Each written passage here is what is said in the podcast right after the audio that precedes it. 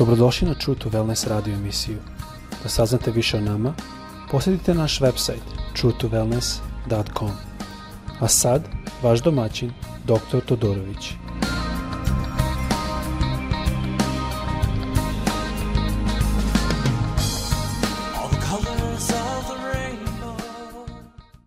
Dobar dan i dobrodošli na naš podcast. Pozdravljam vas ovde iz Florida, dakle radimo ovaj podcast Želim da se izvinem prvo za moje znanje srpskog, malo je lošije. Ja sam odrastao u Kanadi i ja možete zamisliti ovde sedim sa rečnikom, čas, svaki čas gledam unutra da vidim da li koje mogu reč e, da nađem koje mnogo puta imam e, nameru da kažem na engleskom pa se zaustavim.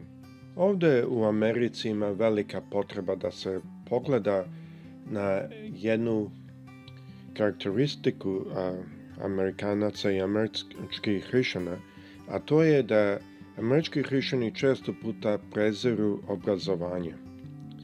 E sada ja nisam neko koji veruje da je Biblija i obrazovanje na istom stepenu, ali svakako kao naučnik koji se bavi naukom, svakako sam naklonjen tome da ima dobre stvari u obrazovanju, a ima i stvari koje nisu.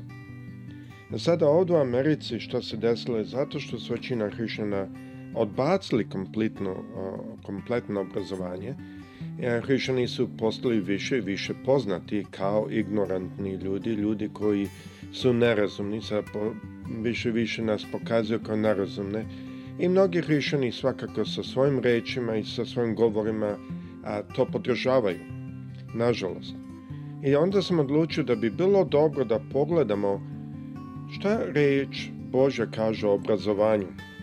Šta je obrazovanje? Da li je to za nas ili da bežimo toga kao što ovde beže e, engleski hrišćani od e, ili državnog ili privatnog obrazovanja, osim za biblijsko obrazovanje. Volao bi da ovo pogledamo u reči Božoj u knjigi, knjizi Izlazak, 31. glava, i ovde počet ću prvo stiha u stvari, te kaže i reče gospod Mojsiju govoreći, drugi stih ovako kaže, gle, pozvah po imenu Vasileja, sina Urije, sina Orovog od plemena Judinog, i napuniha duha svetog, mudrosti i razuma, i znanja i svake veštine, da vešto izmišlja kako se šta može načiniti od zlata i od srebra i od bronze, da ume rezati kamenje, i ukivati da ume tesati drvo i svaki posao raditi. Ovde na engleskom čak još jasnije kaže. Na engleskom kaže dao sam mu ability, to je mogućnost, i intelligence, znači inteligenciju, zajedno sa knowledge, što ovde isto je kao na našem znanje, i e, e, kaže craftsmanship, što isto znači veštinu. Tako da možemo vidjeti da engleski malo jasnije objašnjava da ima ovdje dva elementa. Jedno je razumevanje i inteligencija i onda ima tu znanje i veština. E sada današnje obrazovanje bi stalo pod kategoriju znanja i veštine. Fakulteti najviše spreme ljude sa znanjem, a opet drugi žele da veštine, da popravljaju kola, građevinarski rad, elektrika po kući i tako dalje. Sve je ovo potrebno. E sada, u čemu je ovde problem? Ovde vidimo da je Duh Sveti dao sve ovo, znači i obrazovanje, ali isto inteligenciju i posle ćemo videti kako a, gledamo na ovo dalje, da ima tu više stvari. E sada, zašto je ovo bitno? U engleskom kaže u četvrtom stihu i da može učiti svaki posao. Ovde kod nas na petom stihu kaže da ume raziti kamenje i ukivati, da ume tesati drvo i svaki posao raditi. Na engleskom je malo lakše razumeti da je ovde svo učenje, bilo bi mi učili medicinu ili mi učili e, inženjerstvo, a bitno nije šta, da je sve to Bog daje. E sada, zašto ovo bitno? Mnogi hrišćani danas ne znaju kako da balansiraju, da imaju jednu ravnotežu između duhovnih stvari i znanja.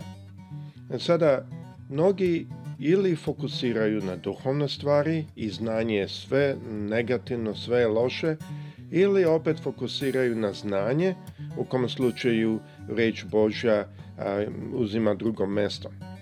E sada, moj lični pogled, e, gledavši kroz Bibliju, znajući šta nauka govori, barem u mojoj grani, da sam ja radio doktorat, moje lično gledište je da reč Bože dolazi na prvo mesto. Zašto? Zato što reč Bože opisuje naše duhovno stanje, naše stanje srca i naše duhovno a, prisutnost, koliko smo bliski ili nismo ka gospodu. Ali reč Bože nas isto uči da je Bog dao mudrost ljudima. Reč Bože nas uči da ta mudrost je tu iz razloga. E sada to pokazuje da ne možemo tek samo odbaciti mudrost reći mi smo sveti i niko drugi nama ne prilaze blizu. Ali opet samo ta mudrost, samo sebe, nije dovoljno. Da kažem ovako, i malo ćemo kasnije gledati, verovatno će to biti druga i treća epizoda, ali gledat ćemo malo kako je Bog spremio par ljudi, da je On spremio njih i kroz znanje, a posle i duhovno. Šta znači znanje? Znanje je kao jedan mač. Znanje je oštri taj mač. Taj mač je efikasan i može da fino se koristi. Ali da li sam taj mač koristi za dobro ili za loše, to nije pitanje znanja. Znanje je kao taj mač, ali zašto se taj mač koristi je pitanje našeg duhovnog stanja i našeg e, e, stanja našeg srca.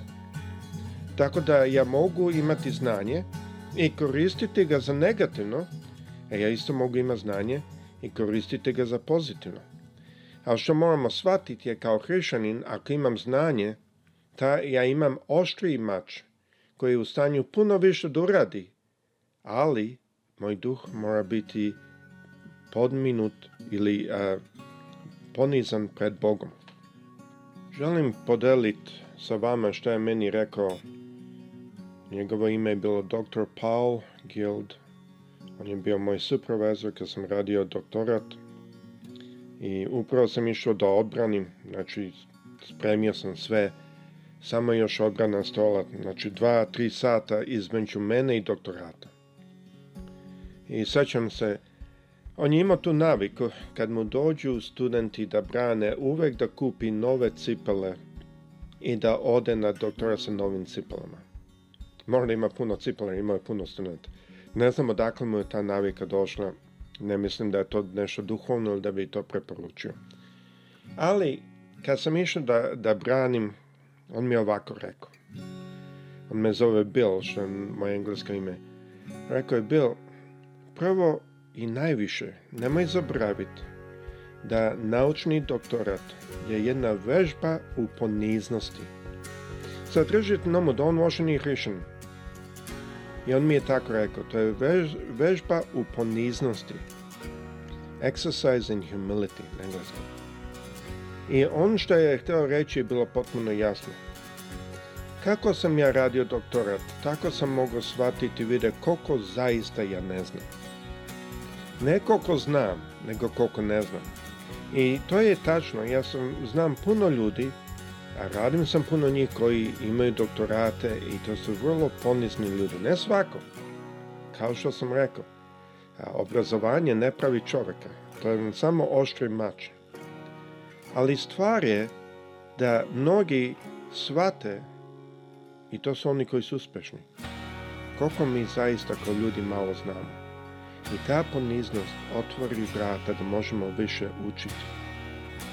Tako, bilo vi da idete u biblijsku školu ili da idete u svetski fakultet, znajte jedno, to oštri mač. Ali, zašto se taj mač koristi je pitanje vašeg duhovnog stanja. Ovo je u stvari jedan način kako sam je upoznao doktora Nikolića koji isto ovde radi podcast zajedno sa mnom. Mi smo se sprijateljili oko biblijske škole Apostolos. I to je škola koja mi se jako svidla, zato što iako je to biblijska škola, ali nauči se samo znanje, nego isto i studenti su pozvani da rade sa lokalnom svojom crkvom i da rade sa lokalnim pastorima Tako da je tu jedna vežba gde se balansira ili pravi jedna ravnoteža između znanja i duhovnog stanja osobe. I to je moja cela poruka ovde u, u ovom prvom podcastu. Kasnije ću malo govoriti o Mojsiju, o apostolu Pavlu i šta se tu dešava oko znanja, ali ovo je jako bitno da shvatimo. Ne smemo bežati od znanja, nego moramo upravljati sa znanjem. Moram imati duh koji Bog može da dotakne, a onda ćemo imati znanje koje On može da koristi. Znanje je kao kada čovek nauči da vozi kola.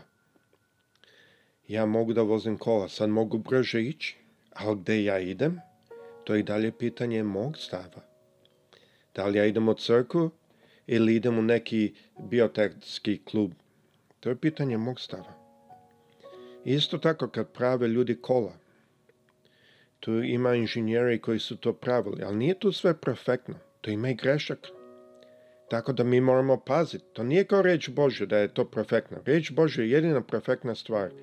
I to je zato što je to Bog kroz svoje naduhnuće dao. Ali ta kola su i dalje jedan alat koji mi možemo koristiti.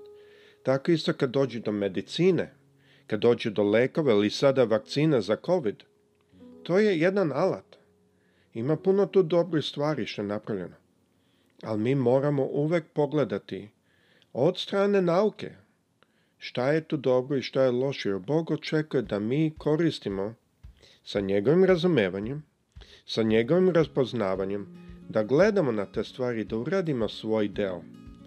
Jer Bog će nas sačuvati, Bog će nam pomoći ali on želi da smo mi oštri mačevi u njegovoj ruci. I zato u narednoj epizodi ili dve govorit ćemo o tome kako je gospod koristio obrazovanje u Mojsiju i kako je isto gospod koristio obrazovanje u apostolu Pavlu i kakva razlika je između obrazovanog Saula koji ima obrazovanje, ali nije imao oči da vidi, nije imao duhovno stanje i obrazovanog Paula, isto obrazovanog, ali on je sad u stanju bio da vidi istinu i kako je to obrazovanje došlo njemu u korist kad je već mogao videti istinu i video Hrista i razumao tajnu spasenja. Nadam se da vam ovo pomogne. Mislim da je jako bitno kao hrišćani da imamo jedan, jednu ravnotežu. Da ne budemo, da se ne plašemo stvari, ljudske stvari, da nismo kao zečevi, ali da ne padamo na svaku varku i na svaku ljudsku podvalu. Gospod sa svima vama, ono posljedno.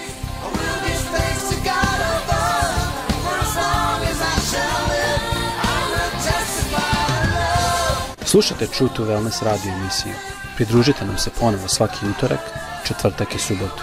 Za kontakt molimo posjetite naš website truetowellness.com. Naša email adresa je info at truetowellness.com